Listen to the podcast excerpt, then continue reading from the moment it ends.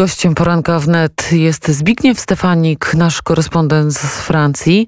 Francja znajduje się w krytycznej sytuacji epidemiologicznej w trakcie trzeciej fali pandemii, twierdzą epidemiolodzy i premier. To prawda, panie Zbigniewie? Witam panu redaktor, tam państwa.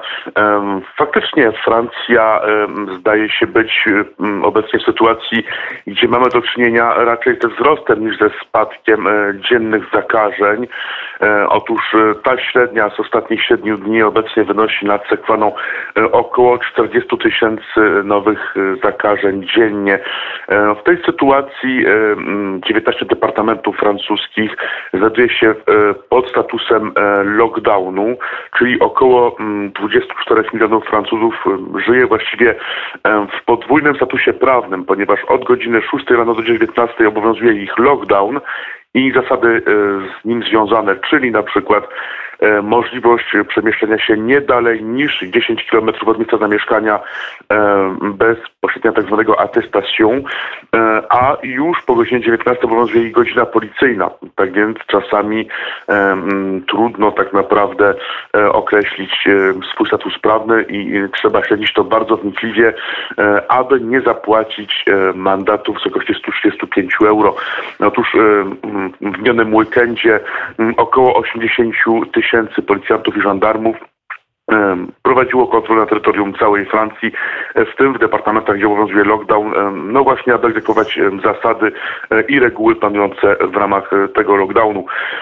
Emmanuel Macron jednak zapowiada, iż o ile nie wyklucza on takiej możliwości, to na tym etapie krajowy lockdown nie będzie wprowadzony, przynajmniej do świąt wielkanocnych. Francuskie władze stawiają raczej na kampanię szczepionkową, która ma we Francji przyspieszyć. Wiadomo, iż Francja E, dostanie co najmniej 3 miliony, 3 mm, miliony próbek z tego, z tej, z tej grupy próbek, które są znalezione we Włoszech, szczepionki AstraZeneca. wiemy, że około 30 milionów e, dawek zostało znalezionych we Włoszech. E, szczepionki AstraZeneca, o co trwał zresztą konflikt, ten konflikt przeniósł na szczyt europejski. Francuskie władze zapowiadają również, iż w następnym czasie do Francji ma trafić około 30 milionów dawek szczepionki szczepionek. W tej sytuacji Francja otwiera e, nowe centra szczepionkowe, będzie ich około 38 docelowo.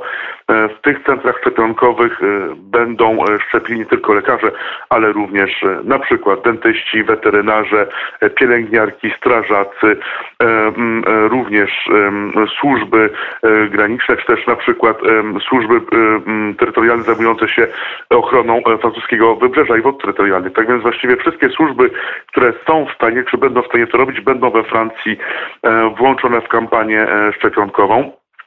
Podobnie jak w całej Europie e, czekamy nad sekwaną e, na przyjście nowej szczepionki e, firmy Johnson Johnson, jak i również eksperci zapowiadają wejście również na rynki europejskie dwóch kolejnych szczepionek w maju i w czerwcu.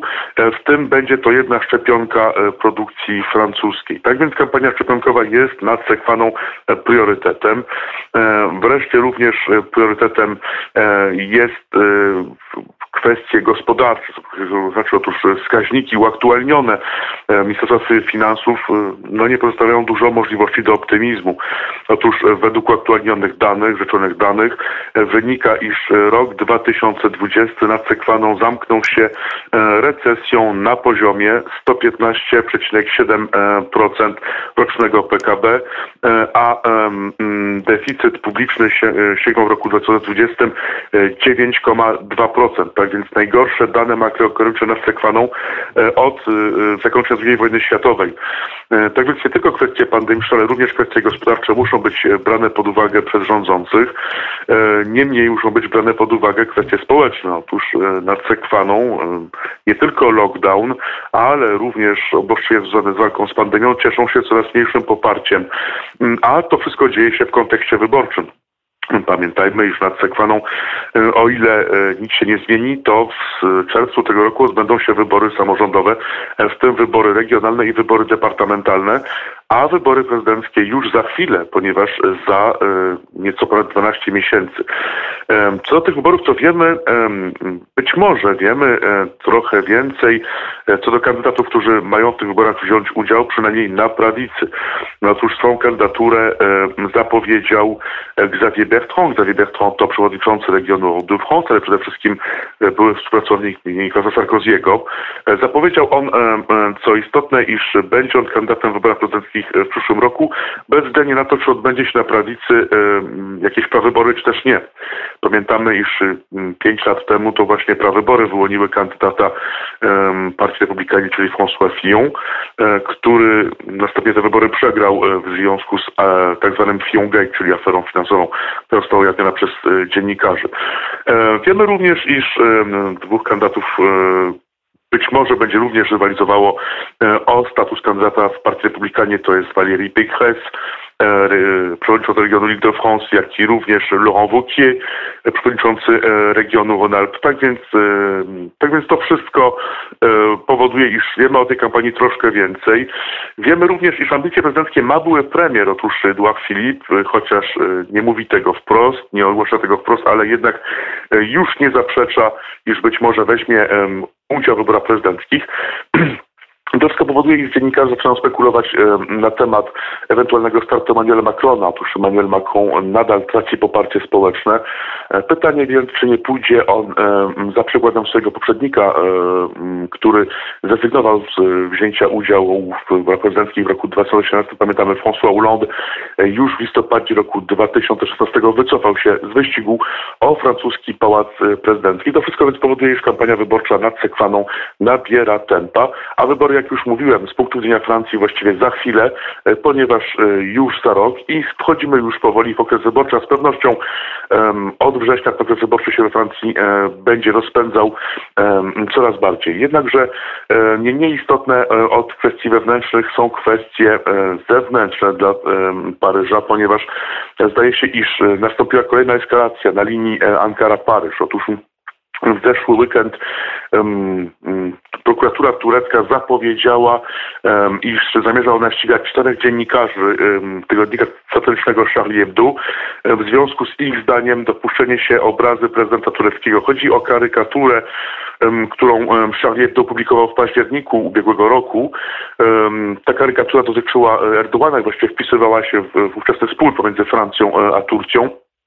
A więc y, prokuratura y, turecka y, domaga się od tureckiego sądu, jeśli miał do procesu, czterech lat więzienia dla każdego z czterech autorów tejże karykatury, co powoduje kolejną eskalację. Kilka dni wcześniej Emmanuel Macron w telewizji, w mediach przestrzegał przed ewentualnym ryzykiem ingerencji tureckiej w wybory prezydenckie nad Sekwaną, które odbędą się za rok. Wreszcie od kilkunastu już dni trwa konflikt pomiędzy miastem Strasburg, e, a francuskim Ministerstwem Spraw Wewnętrznych. Chodzi o meczet. E, chodzi o e, projekt budowy nowego meczetu. Projekt ten jest autorstwa Stowarzyszenia Tureckiego Mili Guru. To jest jedno z największych stowarzyszeń tureckich działających na terytorium francuskim. To stowarzyszenie jest oskarżone przez Ministerstwo Spraw Wewnętrznych o działalność islamistyczną, ponieważ rzeczone stowarzyszenie nie podpisało tzw. Tak karty republikańskiej E, Przypomniamy, to jest ta karta, która była podpisywana przez poszczególne federacje e, wchodzące e, w skład francuskiej Rady Muzułmanów Francuskich.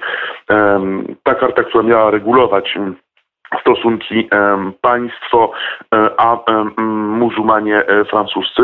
Kilka federacji wchodzących w skład w tą radę nie podpisały tej karty, w tym to stowarzyszenie.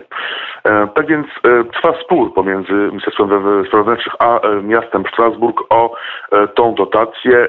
Mer Strasburga broni się argumentując, iż właściwie ta dotacja była obiecana na podstawie funkcjonującego Francji prawa, tak więc to jest ze strony merostwa zdaniem rządzących tej tym miastem nie było żadnego uchybienia, jednakże ministerstwo nie rezygnuje i zapowiada być może wejście na drogę prawną ze Strasburgiem, ale to wszystko się dzieje w ramach stosunków francusko-tureckich, ponieważ Turcja również nie pozostaje bierna no i, i włącza się w ten spór. Pamiętamy, iż dużo stowarzyszeń tureckich, być może więc wręcz ich większość jest przecież finansowana przez Ankarę.